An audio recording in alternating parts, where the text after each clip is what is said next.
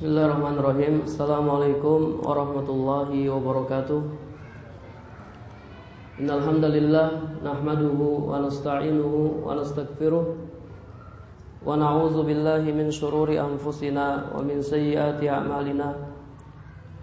May yahdihillah fala mudillalah Wa may yudlil fala hadiyalah Wa ashhadu an la ilaha illallah wahdahu la syarikalah واشهد ان محمدا عبده ورسوله صلى الله عليه wasallam amma ba'du Para ibu-ibu dan remaja putri rahimakumullah jami'ah semoga Allah merahmati kita semua Alhamdulillah kita bersyukur kepada Allah kita memujinya atas segala limpahan-limpahan rahmat, karunia dan nikmat-nikmatnya yang Allah berikan kepada kita sehingga pada hari ini kita masih bisa melanjutkan kajian rutin kita kajian muslimah. Ibu-ibu dan remaja putri rahimakumullah jami'ah beberapa hari ini ada sebagian saudara-saudara kita atau saudari-saudari kita yang mendapatkan musibah kematian salah seorang keluarganya kita doakan semoga Allah Subhanahu wa taala merahmati dan mengampuni mereka yang telah wafat dan mereka yang telah meninggalkan kita. Ada beberapa hal yang ingin kami singgung di sini tentang sikap kita sebagai orang-orang yang masih hidup apa yang harus kita lakukan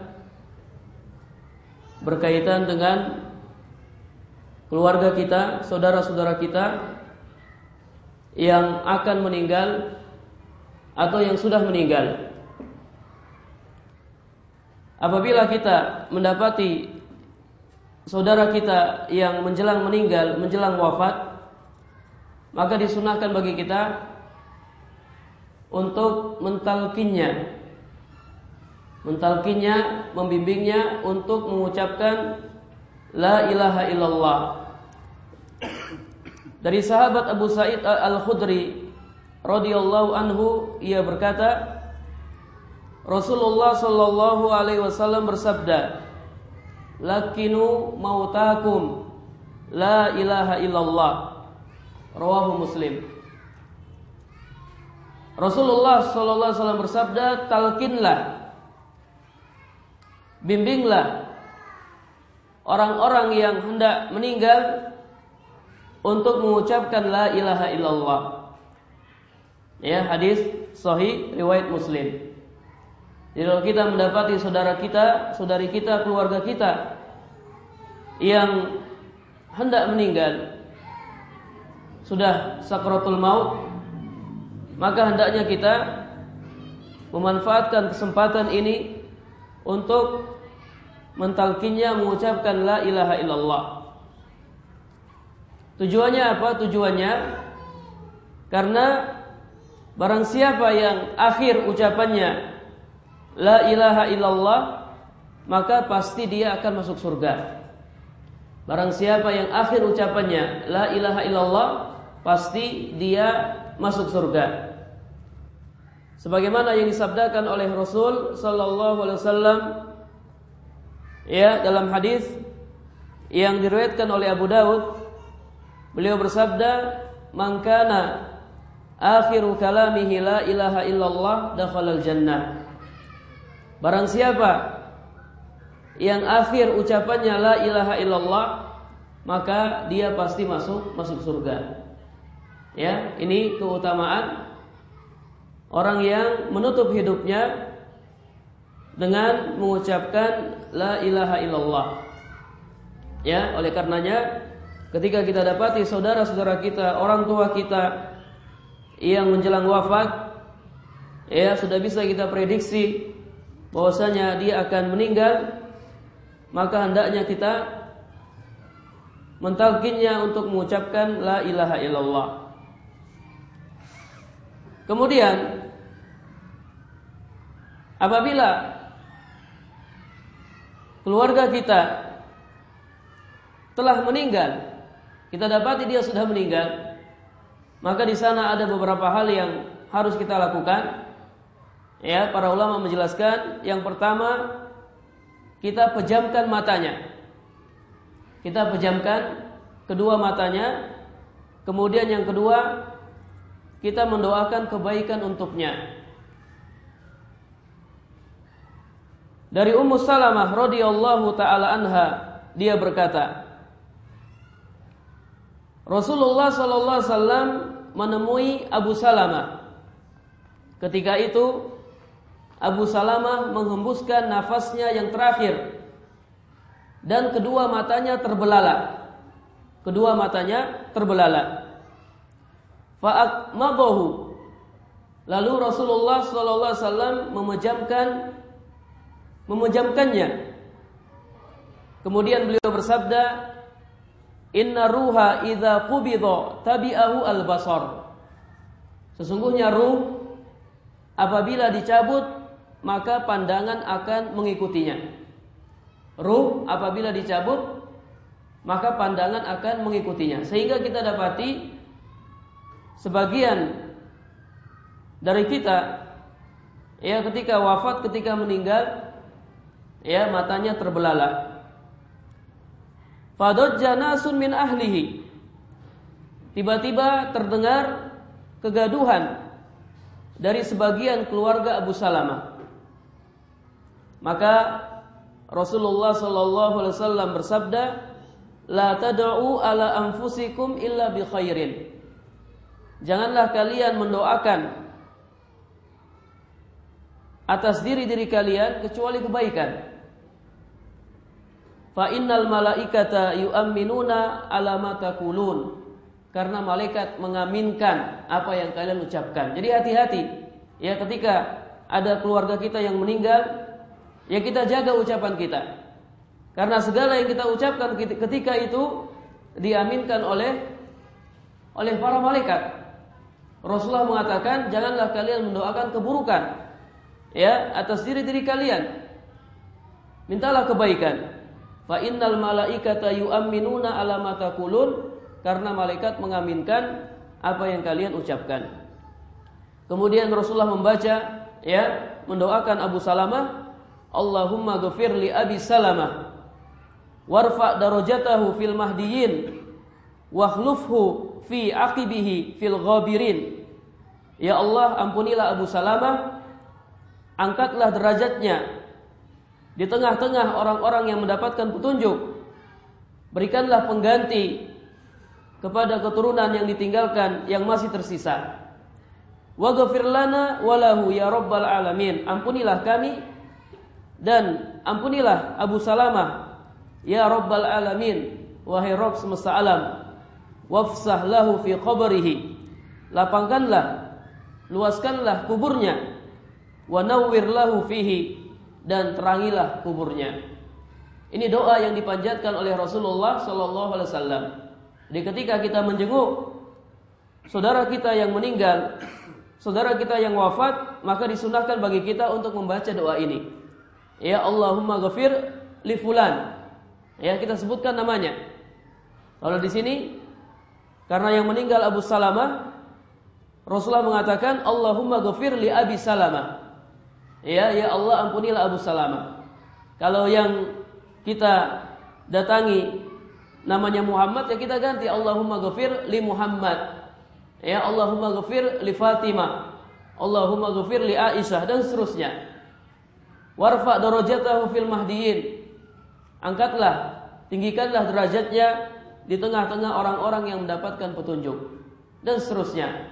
Doa yang diajarkan oleh Rasul sallallahu alaihi wasallam. Ya, hadis yang mulia ini diriwayatkan oleh Imam Imam Muslim. Ya, jadi tidak hanya sekedar datang namun kita doakan ya kebaikan buat saudara kita yang yang sudah meninggal. Kemudian yang ketiga, ya tadi yang pertama memejamkan matanya dan mendoakannya. Kemudian yang ketiga, menutup seluruh jasadnya dengan kain. Menutup seluruh jasadnya dengan dengan kain. Ya sebagaimana Aisyah meriwayatkan anna Rasulullah sallallahu alaihi wasallam hina tuwfiya sujia biburdi hibratin. Rasulullah sallallahu alaihi wasallam ketika wafat maka seluruh badannya ditutupi dengan sejenis kain buatan Yaman.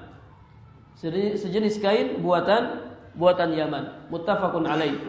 Ya, ini juga termasuk perkara yang disunahkan menutup ya jasad keluarga kita yang meninggal dengan dengan kain.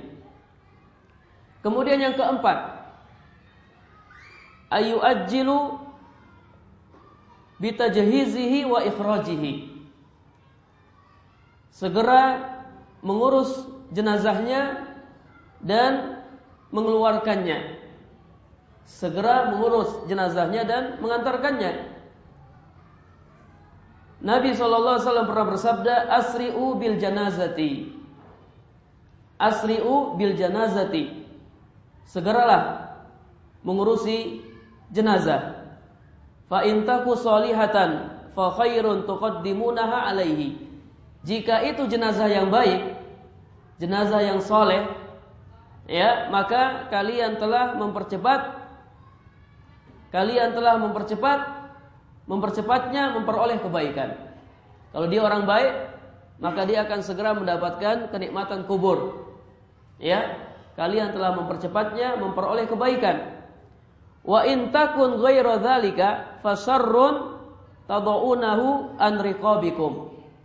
Namun jika dia jenazah yang buruk, ya, jenazah yang tidak soleh, maka itu adalah kejelekan yang kalian segera lepaskan dari pundak-pundak kalian.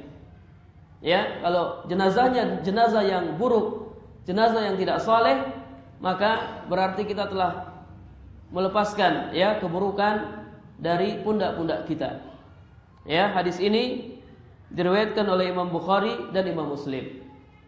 Ya, menyegerakan pengurusan jenazah ini termasuk sunnah Nabi Sallallahu Alaihi Wasallam. Ya, jangan di Jangan ditunda-tunda, ya, jangan diakhirkan. Kemudian yang kelima dan ini yang uh, cukup penting ya ayyubadira ba'duhum liqada'i dainihi min malihi walau ata alaihi kullah segera melunasi utang-utangnya segera melunasi utang-utang si mayit walaupun hartanya habis untuk melunasi utang-utang tersebut. Ya. Walaupun hartanya habis untuk melunasi utang-utang tersebut. Perhatikan utang-utangnya. Berapa utang orang tua kita atau berapa utang saudara kita yang sudah yang sudah meninggal. Dari Jabir bin Abdullah dia berkata, Mata rojulun faghassalnahu wa kafannahu wa hannatnahu. Ada seorang laki-laki yang meninggal. Lalu kami mandikan dia, kami kafani dan kami beri wewangian, lalu kami letakkan jenazahnya di tempat jenazah. Inda maqami Jibril, yaitu di dekat makom Jibril. Summa adzina Rasulullah sallallahu alaihi wasallam bi salati alaihi. Lalu Rasulullah sallallahu alaihi wasallam mengizinkan kami untuk mensolatinya. Silahkan kalian solati jenazah saudara kalian. Beliau maju beberapa langkah sebagai imam. Sebelum beliau bertakbir, ya, sebelum beliau melaksanakan sholat jenazah, beliau bertanya, la'alla ala sahibikum dainan. Mungkin saudara kalian ini, teman kalian yang meninggal ini ada mempunyai utang. Ya, barangkali dia mempunyai utang. Qalu lalu para jamaah ya ketika itu berkata, "Na'am." Iya Rasulullah, dia punya utang. Dinaroni, dua dinar. Utangnya dua, dua dinar. Jadi jenazah ini masih mempunyai utang dua dinar dan dia belum melunasi utangnya. Apa yang dilakukan oleh Rasulullah? Takhallafa. Rasulullah mundur. Rasulullah nggak jadi nyolati jenazah jenazah tersebut. Ya, Rasulullah nggak jadi nyolati jenazah tersebut karena dia punya utang yang belum di, dibayar. Ketika itu, ya ada seorang sahabat yang bernama Abu Qatadah. Dia berkata, "Wahai Rasulullah, huma alayya." Wahai Rasulullah, utangnya saya yang tanggung. Utangnya saya yang bayar. Nanti saya yang bayar. Ya, nggak perlu khawatir. Lalu Rasulullah SAW bertanya, menegaskan, "Huma alaika wa fi malika wal mayyitu huma bariun." Kamu akan membayar utangnya dari hartamu dan mayit ini akan terbebas darinya. Maka Abu Qatadah menjawab, "Ya, saya akan bayar utangnya." Kemudian Rasulullah maju dan Rasulullah menyolatinya. Perhatikan ibu-ibu, ya. Setelah ada yang menanggung utangnya, kemudian Rasulullah maju dan menyolatinya. Setiap kali Rasulullah sallallahu alaihi wasallam beliau bertemu dengan Abu Qatadah, Rasulullah selalu bertanya, "Abu Qatadah, kamu sudah bayar utangnya atau belum? Kamu sudah bayar utangnya atau belum?" Ya. Setiap kali Rasulullah bertemu Abu Qatadah, Rasulullah selalu bertanya, "Gimana utangnya? Sudah dibayar atau atau belum?" Ya, kemudian ya Abu Qatadah menjawab, "Saya telah melunasi utangnya. Saya telah membayar utangnya." Lalu Rasulullah sallallahu alaihi wasallam bersabda, "Al-ana hina baradat alaihi jilduhu." Ya. Sekarang baru kulitnya merasa dingin. Sekarang baru kulitnya merasa dingin. Ya, hadis yang mulia ini diriwayatkan oleh oleh Baihaqi dan Hakim dalam Mustadraknya. Lihat bagaimana ibu-ibu sekalian, ya para remaja putri, bagaimana bahaya utang yang belum dibayar. Ya, sampai dilunasi, sampai dibayar baru kulit kulitnya ya merasakan dingin. Ya, padahal sudah disolati oleh Rasulullah. Namun tatkala utangnya belum dibayar, kulitnya terus apa namanya merasakan panas, panas dan panas. Setelah utangnya dibayar, baru kulitnya merasakan dingin. Ini menunjukkan apa? E, pentingnya melunasi utang. Ya, pentingnya melunasi utang. Ibu-ibu dan para remaja putri rahimahumullah jami'ah tentang utang ya, kita akan sedikit menyinggung tentang utang. Jadi di sana banyak sekali ancaman-ancaman bagi orang yang nggak bayar utang. Ya, banyak sekali ancaman-ancaman bagi orang yang tidak membayar utang. Rasulullah SAW bersabda, Man faraq man ruhu al jasada wa huwa bari'un min salasin dakhala al jannah. Barang siapa yang ruhnya berpisah dengan jasadnya, barang siapa yang meninggal dan dia terbebas dari tiga perkara ini, dakhala al jannah, maka dia pasti masuk surga. Minal kibri wal gululi wad dain. Yang pertama terbebas dari kesombongan. Orang yang meninggal dalam keadaan terbebas dari kesombongan, maka dia pasti masuk surga. Yang kedua al-gulul. Ya, terbebas dari khianat ketika berperang. Ya, al-gulul ini artinya khianat dalam hal rampasan perang. Tidak mengambil harta rampasan perang sebelum dibagi. Wadain. Kemudian yang ketiga, terbebas dari utang. Barang siapa yang ketika meninggal terbebas dari tiga perkara ini, dakhalal jannah, maka pasti dia masuk masuk surga. Ya, hadis sahih diriwayatkan oleh Ibnu Majah dan Imam Tirmizi. Artinya kalau kita tidak terbebas dari utang, ya kita tidak tidak tidak akan atau belum bisa masuk masuk surga. Ya. Dalam hadis yang lain yang diriwayatkan oleh Imam Tirmizi, Rasulullah sallallahu alaihi wasallam bersabda, "Nafsul mu'min muallaqatun bidainihi hatta yuqda anhu. Jiwa seorang mukmin tergantung dengan utangnya sampai utangnya dibayar, sampai utangnya dilunasi. Ya. Kemudian dalam hadis yang lain yang diriwayatkan oleh Ibnu Majah dari jalan sahabat Abdullah bin Umar radhiyallahu anhuma Rasulullah sallallahu alaihi wasallam bersabda man mata wa alaihi dinar au dirham qudiya min hasanatihi laisa samma dinarun wala dirhamun Barang siapa yang meninggal dan mempunyai utang satu dinar atau satu dirham maka akan dibayar dari kebaikan-kebaikannya. Akan dibayar dengan kebaikan-kebaikannya. Di sana di akhirat tidak ada dinar dan tidak ada dirham. Ya, di sana tidak ada dinar dan tidak ada dirham.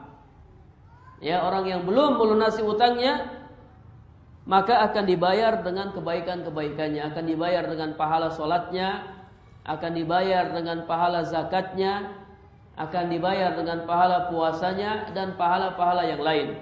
Sehingga kalau seandainya utangnya banyak ya, utangnya banyak dan belum dibayar ya, lalu dibayar dengan kebaikan-kebaikannya yang akhirnya kebaikan-kebaikannya habis, maka keburukan-keburukan orang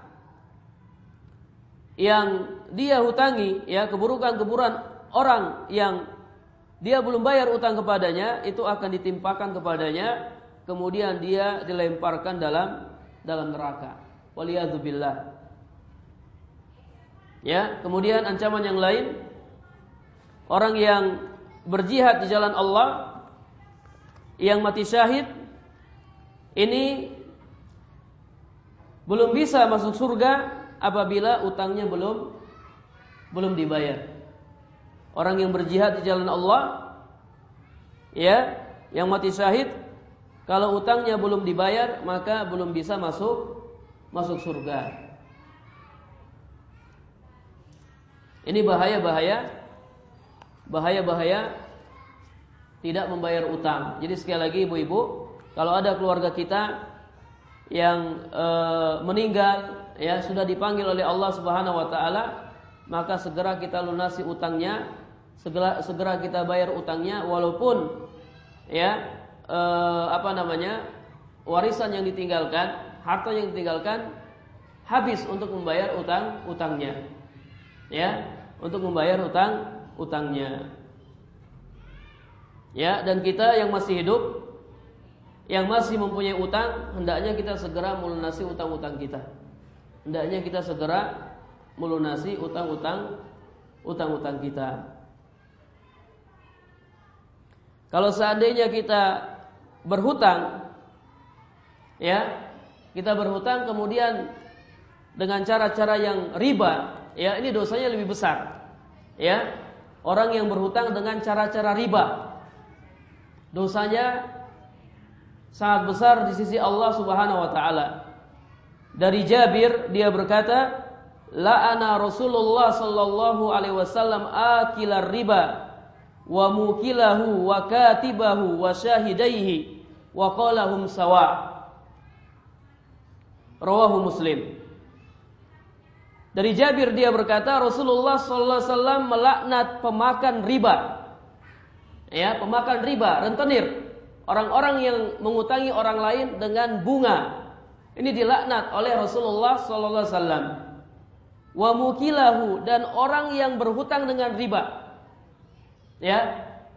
Orang yang berhutang dengan dengan riba ini juga dilaknat. ya pemakan riba rentenir dan orang yang berhutang dengan riba dilaknat. Wa katibahu orang yang mencatat riba ini juga dilaknat. Wa syahidaihi dua orang yang menyaksikan riba ini juga dilaknat. Ya. Dan Rasulullah berkata, "Hum sawa." Mereka semua sama, sama-sama dilaknat. Ya. Jadi dari pihak yang mengutangi dengan riba dan pihak yang berhutang dengan riba ini dilaknat. Pihak yang mencatat riba, pihak yang menyaksikan riba ini semuanya sama-sama dilaknat oleh Allah dan dan Rasulnya. Ya, dilaknat, dikutuk. Ya, kalau bahasa kita dikutuk oleh Allah dan Rasulnya. Dalam hadis yang lain, Rasulullah bersabda, Ar-riba salasatun wa sab'una baban. Riba ada 73 pintu. Riba ada 73 pintu. Aisaruha mislu ayyankihar rajulu ummahu. Riba yang paling ringan dosanya seperti seseorang menyetubuhi ibu kandungnya. Riba yang paling ringan dosanya ya itu seperti orang yang menggauli menyetubuhi ibu kandungnya. Waliyadzubillah. Ini bahaya riba ya ibu-ibu sekalian. Ya bapak-bapak sekalian, para remaja putri rahimakumullah jami'ah. Jadi jangan bermain-main dengan apa? Riba. Jangan menganggap enteng perkara riba. Dosa riba yang paling ringan ya itu seperti dosa orang yang menggauli ibu kandungnya sendiri. Ya, naudzubillah. Dalam hadis yang lain yang diriwayatkan oleh Imam Ahmad, Rasulullah sallallahu alaihi wasallam bersabda, "Dirhamun riban ya'kuluhu ar-rajulu wa huwa ya'lamu ashaddu min sittatin wa salasina zaniyatan." Satu dirham riba yang dimakan oleh seseorang dan dia tahu itu riba. Dia tahu, ya kalau bahasa kita satu rupiah, ya nggak ada uang satu rupiah mungkin 50 rupiah, 100 rupiah, yang itu riba. Yang dimakan oleh seseorang dan dia tahu itu riba, dosanya lebih besar ya daripada dia melakukan perzinahan sebanyak 36 kali. Dosanya lebih besar daripada dia melakukan perbuatan zina sebanyak 36 kali. Ya, hadis riwayat Ahmad. Ya sekali lagi ibu-ibu, para remaja putri jangan sampai apa kita e, menggampangkan riba. Bagaimana dengan kita Ustaz seandainya kita yang berhutang ya, terus yang ngutangi pakai riba nggak boleh. Ya nggak boleh dilaknat oleh Rasulullah sallallahu alaihi wasallam. Jadi pihak nasabah maupun pihak bank yang mempraktikkan riba ya, bank-bank bank-bank konvensional ini dilaknat oleh Allah dan dan Rasulnya. Baik banknya maupun nasabahnya semua dilaknat, sekretarisnya ya, yang tukang-tukang catatnya ya, satpamnya yang biasa mempersilakan masuk, silakan masuk ya, tukang-tukang parkirnya semua sama ya, semua dilaknat oleh Allah dan dan Rasulnya. Ini bahaya apa? Bahaya bahaya riba. Ya, mudah-mudahan Allah Subhanahu wa taala menjauhkan kita dari dari riba dan segala macamnya. Taib ya. Jadi ada berapa ibu-ibu yang harus kita lakukan ketika ada keluarga kita yang meninggal? Ada berapa semuanya? Ada? Ada? Siapa yang nyatat? Ada berapa? Ada? Ada lima. Yang pertama memejamkan kedua matanya. Yang kedua mendoakannya yang ketiga, menutup seluruh tubuhnya dengan kain. Yang keempat, segera mengurus jenazahnya. Yang kelima, segera melunasi utang-utangnya. Ya, ini lima perkara yang kita lakukan apabila ada keluarga kita yang yang meninggal. Kemudian kita ya sebagai keluarga yang ditinggalkan kita sebagai keluarga yang ditinggalkan ada dua perkara yang kita lakukan. Kita sebagai keluarga yang ditinggalkan ada dua perkara, dua hal yang kita lakukan. Yang pertama kita bersabar. Ya ibu-ibu yang baru saja mendapatkan musibah ya, salah satu anggota keluarganya meninggal, maka hendaknya bersabar dan ridho dengan ketetapan Allah Subhanahu wa taala dengan takdir Allah Subhanahu wa taala. Barang siapa yang bersabar ketika ditimpa musibah, maka dia akan mendapatkan pahala yang melimpah di sisi Allah Subhanahu wa taala. Allah berfirman dalam surat Al-Baqarah ayat 155 sampai 157. Wala nabluwannakum bi syai'in minal khaufi wal ju'i wa nakasim minal amwali wal anfusi. Kata Allah dan kami akan menguji kalian. Kami akan menguji kalian dengan sedikit ketakutan, kelaparan, kekurangan harta, kematian anggota keluarga dan kekurangan buah-buahan. Ini ujian yang Allah berikan kepada kita. Kita akan diuji dengan rasa takut, rasa lapar, kekurangan harta, kematian anggota keluarga kita dan kekurangan buah-buahan. Kata Allah wa basyiris sabirin. Berilah kabar gembira kepada orang-orang yang sabar. Ya, ketika mendapatkan ujian, mereka bersabar, berilah kabar gembira kepada mereka. Alladzina idza asabathum musibah Qalu inna lillahi wa inna ilaihi raji'un. Yaitu orang-orang yang apabila mereka ditimpa musibah, mereka mengatakan inna lillahi wa inna ilaihi raji'un. Sesungguhnya kita ini ya adalah milik Allah dan kita akan kembali kepadanya. Ulaika alaihim salawatu min rabbihim wa rahmah wa ulaika humul muhtadun. Ya, mereka adalah orang-orang yang mendapatkan pujian dari Allah dan rahmatnya. Wa ulaika humul muhtadun dan mereka adalah orang-orang yang mendapatkan petunjuk. Orang-orang yang diberikan petunjuk oleh Allah Subhanahu wa taala. Jadi bersabar ibu-ibu ya atau bapak-bapak atau siapa saja yang ditimpa musibah ya ada yang meninggal ya hendaknya kita apa bersabar insyaallah kesabaran kita akan membuahkan pahala dan ibu-ibu sekalian, yang namanya sabar itu ketika awal ditimpa musibah. Ingat, yang namanya sabar yang sesungguhnya ketika awal ditimpa musibah. Ya, bukan setelah beberapa hari. Ketika awal ditimpa musibah. Rasulullah SAW pernah melewati seorang wanita yang sedang berada di kubur, yang sedang berada di kuburan. Ya, ada seorang wanita yang sedang berada di kuburan yang dia sedang menangis, dia bersedih ya. Karena e, apa namanya? ada keluarganya yang meninggal.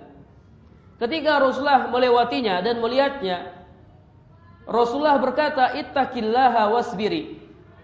Ittaqillah wasbiri. Ya, bertakwalah anti kepada Allah dan bersabarlah anti. Apa kata wanita ini? Kata wanita ini, ilaika anni. Ya, ilaika anni, tinggalkan saya. Karena kamu tidak merasakan musibah yang saya rasakan.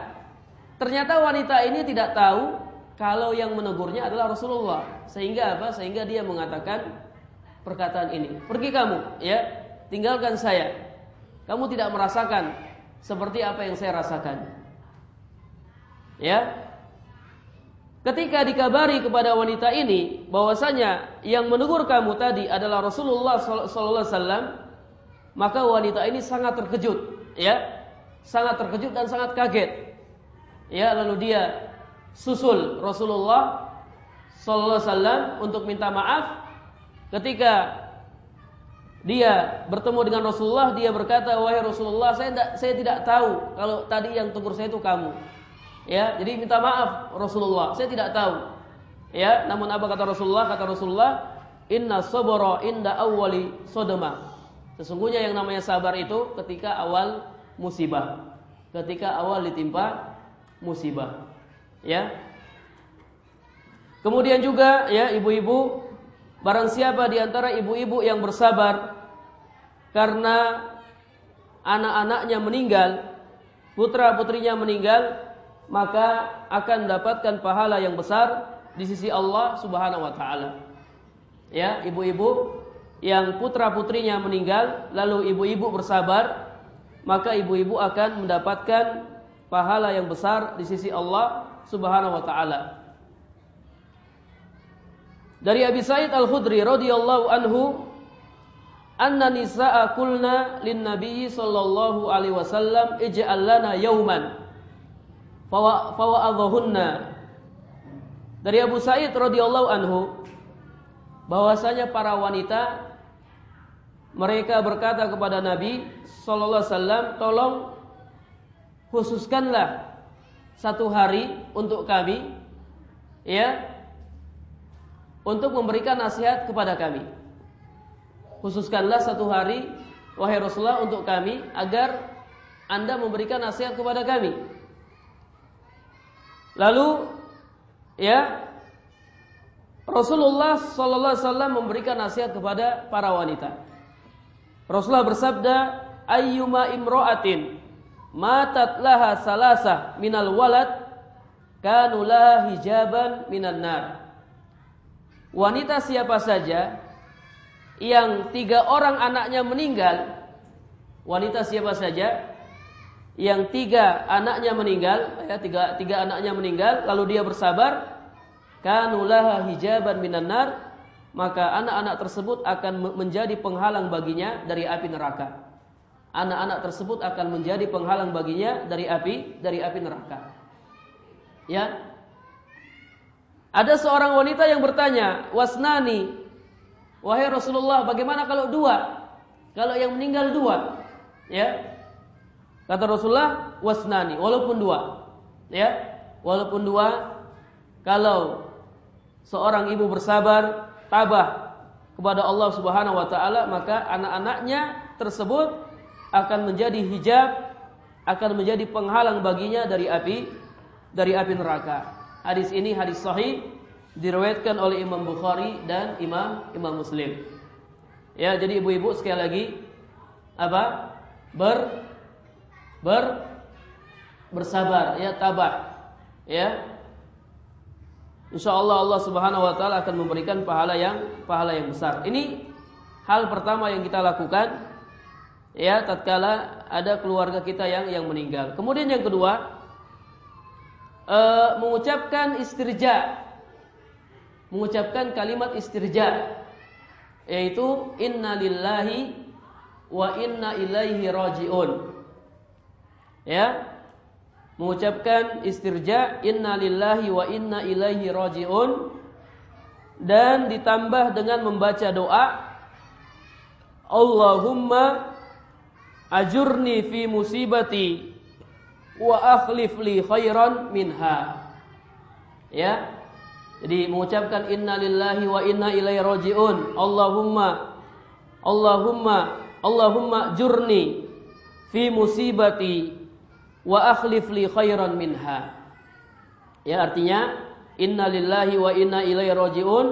Sesungguhnya kita ini adalah milik Allah dan kita akan kembali kepadanya. Ya Allah, berikanlah pahala kepadaku dalam musibahku ini dan berikanlah ganti kepadaku ganti yang terbaik. Berikanlah ganti kepadaku ganti yang yang terbaik. Ya, ini yang yang dibaca. Ummu Salamah radhiyallahu anha ya ketika suaminya meninggal Abu Salamah ya Ummu Salamah membaca doa ini. Ummu Salamah mengatakan innalillahi wa inna ilaihi rajiun.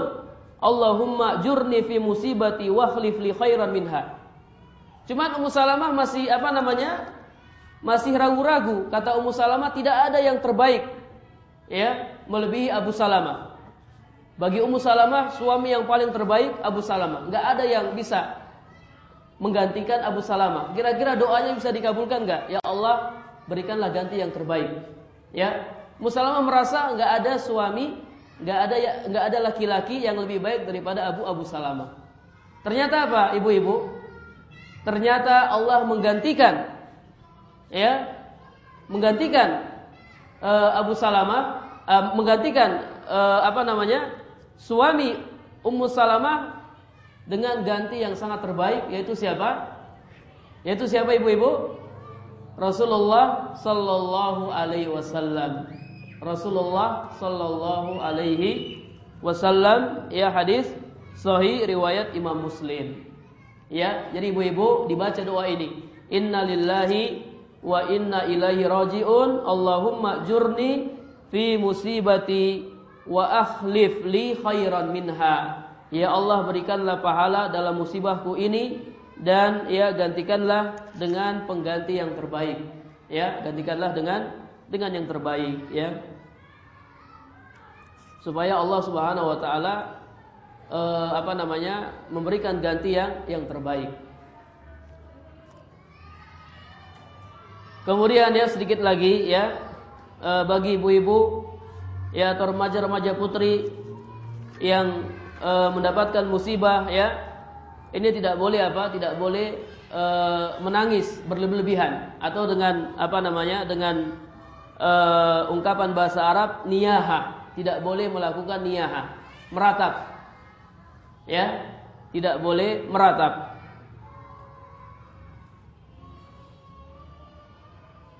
Wanita yang meratap dan dia belum bertobat sebelum dia meninggal, tuqamu yaumal qiyamah wa alaiha sirbalun min khatiran wa dir'un min jarobin. Ya. Wanita yang pernah meratap dan belum bertobat sebelum meninggal, maka dia akan dibangkitkan pada hari kiamat dalam keadaan memakai pakaian yang terbuat dari cairan timah. Ya. Dalam keadaan memakai pakaian yang terbuat dari cairan timah, pakaian yang sangat panas dan pakaian yang terbuat dari penyakit kulit, ya penyakit penyakit kulit. Ya, ini ancaman bagi uh, apa namanya wanita yang meratap ya menangis berlebihan. Atau dorbul hudud wasakul juyub ya menampar-nampar pipi merobek-robek baju ketika ditimpa musibah ini juga apa dosa dosa besar Nabi sallallahu alaihi wasallam bersabda laisa minna man latamal hudud wasaqal juyub wada'a bidakwal jahiliyah. Bukan termasuk golongan kami orang-orang yang menampar-nampar pipi, merobek-robek baju dan menyeru dengan seruan jahiliyah ketika ditimpa ketika ditimpa musibah. Ya, hadis sahih riwayat Bukhari dan dan Muslim. Ya. Dan tidak boleh juga apa? E, mengacak-ngacak rambut ya, menangis sambil mengacak-ngacak rambut ya ini juga perbuatan-perbuatan yang yang tidak boleh ketika apa namanya? ketika e, ditimpa musibah. Karena ini bertentangan dengan sikap sabar. Yang kita harus sabar dengan bersabar insya Allah kita akan e, mendapatkan pahala yang banyak di sisi Allah Subhanahu wa taala. Kemudian ya, ibu-ibu, bapak-bapak dan remaja putri rahimakumullah jami'ah ya intinya ya kita akan mati kita akan meninggal. Ya kita semua akan bertemu dengan Allah Subhanahu wa taala. Ya maka hendaknya kita mempersiapkan diri. Orang-orang yang mulia orang-orang yang hebat ya mereka telah meninggal. Rasulullah orang yang sangat mulia akhlaknya meninggal. Innaka mayyitun. Sungguhnya kamu wahai Muhammad akan mati. Wa innahum mayyitun dan sesungguhnya mereka akan akan mati ya dan ingat setelah mati bukan berarti urusan selesai. Ya. Setelah meninggal bukan berarti urusan selesai, di sana ada al-ba'su. Di sana ada kebangkitan. Wan nasu idza matu. Manusia apabila mereka telah meninggal, maka mereka akan di, dibangkitkan. Allah Subhanahu wa taala berfirman dalam surat Toha ayat 55, "Minha khalaqnakum wa fiha nu'idukum wa minha nukhrijukum taratan ukhra. Dari tanah kami menciptakan kalian. Dari tanah kami menciptakan kalian dan kami akan mengembalikan kalian ke dalam tanah dan kami akan membangkitkan kalian dari tanah pada ya pada kesempatan yang kesempatan yang lain. Pada kesempatan yang yang lain. Jadi Allah menciptakan kita dari tanah, Allah akan mengembalikan kita ke dalam tanah dan Allah akan membangkitkan kita dari dari tanah. Ya ingat kita akan dibangkitkan dan setelah kita dibangkitkan kita akan dimintai pertanggungjawaban. Kita akan dihisab ya oleh karenanya hendaknya kita mempersiapkan diri. Allah berfirman dalam surat Az-Zalzalah ayat 7 sampai 8, "Fama ya'mal misqala dzarratin khairan yarah wa may ya'mal mithqala dzarratin. Barang siapa yang mengamalkan, ya beramal kebaikan sekecil apa pun, maka dia akan melihat balasannya. Dan siapa yang mengerjakan keburukan sekecil apa pun, niscaya dia akan melihat balasannya. Ya. Apa yang kita lakukan di dunia ini, ya kita akan melihat balasannya. Ibu-ibu yang uh, datang ke pengajian, ya mengamalkan ilmu yang sudah diketahui akan mendapatkan balasannya. Ibu-ibu yang rajin mengerjakan sholat akan mendapatkan balasannya. Ibu-ibu yang taat kepada suami ia akan mendapatkan balasannya. Ibu-ibu yang bersabar ketika ditimpa musibah akan mendapatkan balasannya. Segala kebaikan yang kita lakukan di dunia ini, ya kita akan melihat balasannya pada hari kiamat. Mudah-mudahan Allah Subhanahu wa taala ya e, memberikan kemudahan kepada kita untuk bisa beramal soleh ya dan meninggalkan segala larangan-larangannya dan mudah-mudahan Allah Subhanahu wa taala menjadikan kita termasuk orang-orang yang bersabar tatkala kita ditimpa musibah sehingga kita mendapatkan pahala yang besar di sisinya. Wallahu a'lam ini yang dapat kami sampaikan. Ya mudah-mudahan bermanfaat.